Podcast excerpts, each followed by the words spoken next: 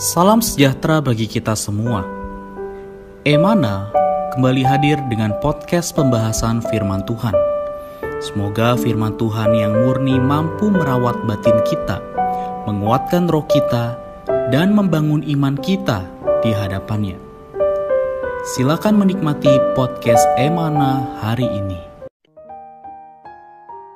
Puji Tuhan, salam damai sejahtera bagi saudara-saudari sekalian.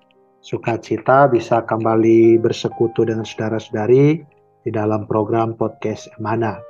Puji Tuhan, hari ini kita juga akan eh, bersekutu bersama saudara Kenny yang akan membawa kita melihat renungan hari ini. Kita sapa saudara Kenny. Halo saudara Kenny, selamat bergabung kembali. Halo saudara Stephen, Puji Tuhan Amen. bisa kembali bergabung di dalam Emana Podcast. Amin. Uh, saya juga salam dan damai sejahtera kepada seluruh saudara-saudari para pendengar podcast. Damai sejahtera menyertai kita semua. Amin. Puji Tuhan, terima kasih sudah kembali uh, bergabung saudara Kenny. Uh, sebelum kita masuk ke dalam porsi persekutuan hari ini, saya ingin membacakan uh, porsi pembacaan kita yaitu dari dalam kitab Wahyu pasal 2 ayat 1 sampai 29 ya. Adalah satu porsi yang sangat baik. Saudara-saudari boleh meluangkan waktu untuk membacanya ya. Uh, kemudian dari porsi ini kita akan bersama-sama bersekutu mengenai satu judul yaitu memulihkan kasih yang semula. Puji Tuhan, saya akan membacakan satu ayat sebagai pengantar bagi kita dalam Wahyu pasal 2 ayat 3 sampai 4. Sana dikatakan dan engkau tetap sabar dan menderita oleh karena namaku dan engkau tidak mengenal lelah. Namun demikian aku mencela engkau karena engkau telah meninggalkan kasihmu yang semula. Puji Tuhan itu adalah ayat yang mendasari persekutuan kita. Selanjutnya waktu saya serahkan pada saudara Kenny. Amin. Amin. Puji Tuhan. Tentu pertama-tama sesaudari kita perlu bersyukur kepada Tuhan karena kita sudah sampai di ujung tahun dari 2022 uh, kita juga oleh karena kesetiaan Tuhan memimpin kita membaca Alkitab uh, kita sampai kepada kitab Wahyu. Hari ini kita akan melihat satu ayat yang sangat menarik juga menjadi sebuah peringatan buat kita yaitu perkara memulihkan kasih yang semula. Dan saudari, kasih yang semula di dalam bahasa aslinya uh, dapat diartikan sebagai kasih yang pertama atau kasih yang terutama. Lalu arti yang lain juga adalah kasih yang terbaik. Jadi saudari, memulihkan kasih yang semula tidak lain adalah menaruh diri Tuhan Yesus sebagai yang utama di dalam segala sesuatu. Kalau tidak, maka Tuhan akan mencelah kita. Dan kita tahu bahwa di dalam Wahyu pasal yang kedua ini adalah satu surat yang dituliskan kepada gereja di Efesus.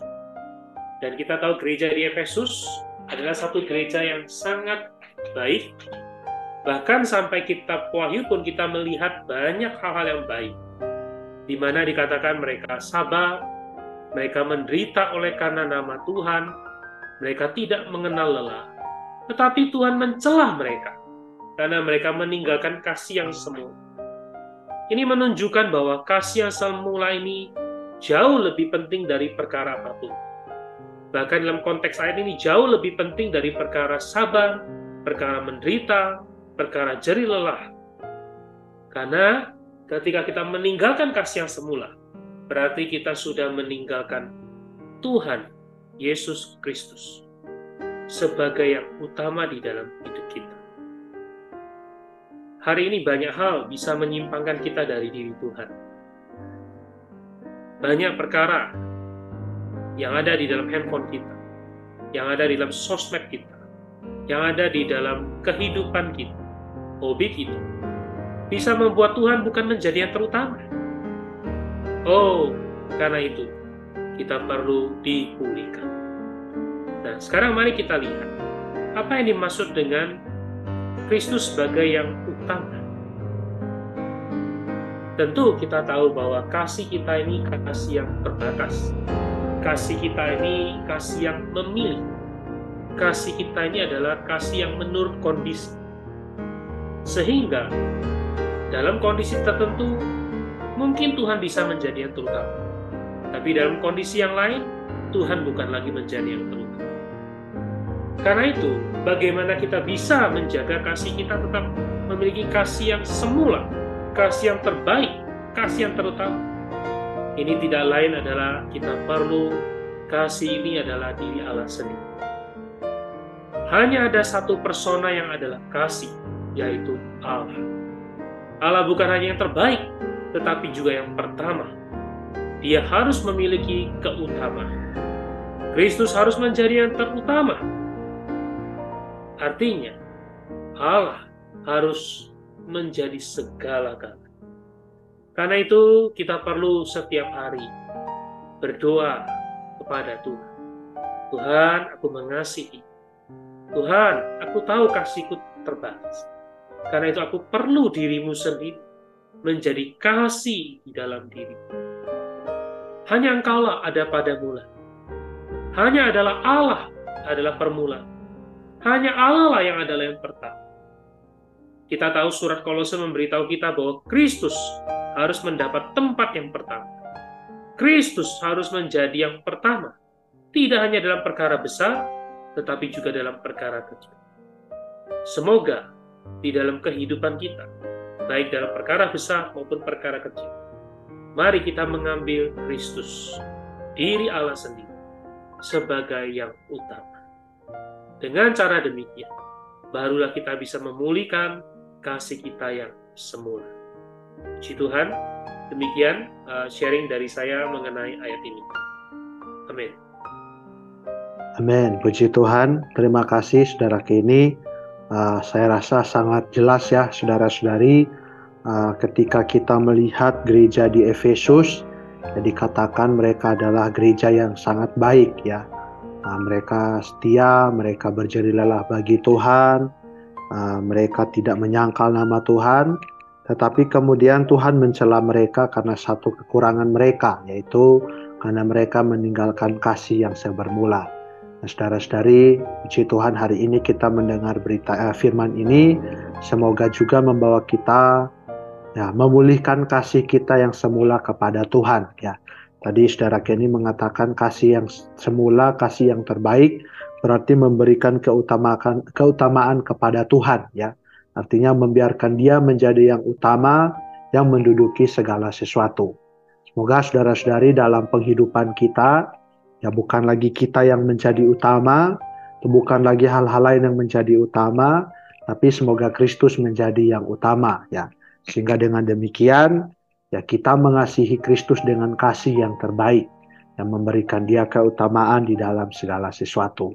Sehingga dengan demikian ya kita tidak dicela, tetapi sebaliknya juga kita adalah orang-orang yang menerima uh, pahala ya atau sesuai dengan janji uh, Tuhan kepada gereja di Efesus ya. Semoga saudara-saudari berita ini juga cukup mendorong kita, membawa kita memulihkan kasih kita kepada Tuhan. Men, untuk menutup persekutuan kita, sekali lagi saya minta kesediaan saudara kini oleh memimpin kita di dalam doa. Amin. Amin. Mari sesaudari kita satukan hati kita, kita berdoa. Amin. Tuhan Yesus kami tahu bahwa kami kasih kami adalah kasih yang terbatas. Amin. Tapi Tuhan melalui kesempatan ini kami mengundang diri. Kami mau mengambil dirimu Tuhan. Amin. Sebagai satu-satunya yang utama di dalam diri kami. Amin. Tuhan, kami mengasihimu biarlah hari demi hari dirimu makin bertambah di dalam kami. Amin. Menjadi kasih yang tidak dapat binasa. Menjadi Amin. kasih yang terutama. Kasih yang terbaik. Sehingga kami bisa memulihkan kasih kami yang semula. Tuhan, khususnya di masa-masa sekarang ini, banyak perkara bisa membuat kami kehilangan kasih yang semula. Ya. Kondisi zaman, keadaan ekonomi. Tuhan, oh Tuhan pandemi, banyak perkara bisa Ya. membuat kami kehilangan kasih yang semu. Karena itu Tuhan kami melalui kesempatan ini, kami kembali berpaling padamu. Tuhan angkatlah segala berhala. Angkatlah segala perkara yang menggantikan diri. Amin. Biarlah Tuhan kau mendapat kedudukan yang utama di dalam kami. Tuhan, kami mengasihimu Tuhan. Dan Amin. kau tahu bagaimana kami juga mendambakan diri. Ya Tuhan, kau mendapatkan kami hari demi hari. Mendapatkan setiap ruang hati kami. Amin. Sampai kau menjadi Tuhan yang bertahta. Menjadi Raja di atas segala Raja. Raja di atas hidup kami. Amin. berdoa segala mulia, hormat hanya bagi Tuhan saja. Amin. Amin. Puji Tuhan.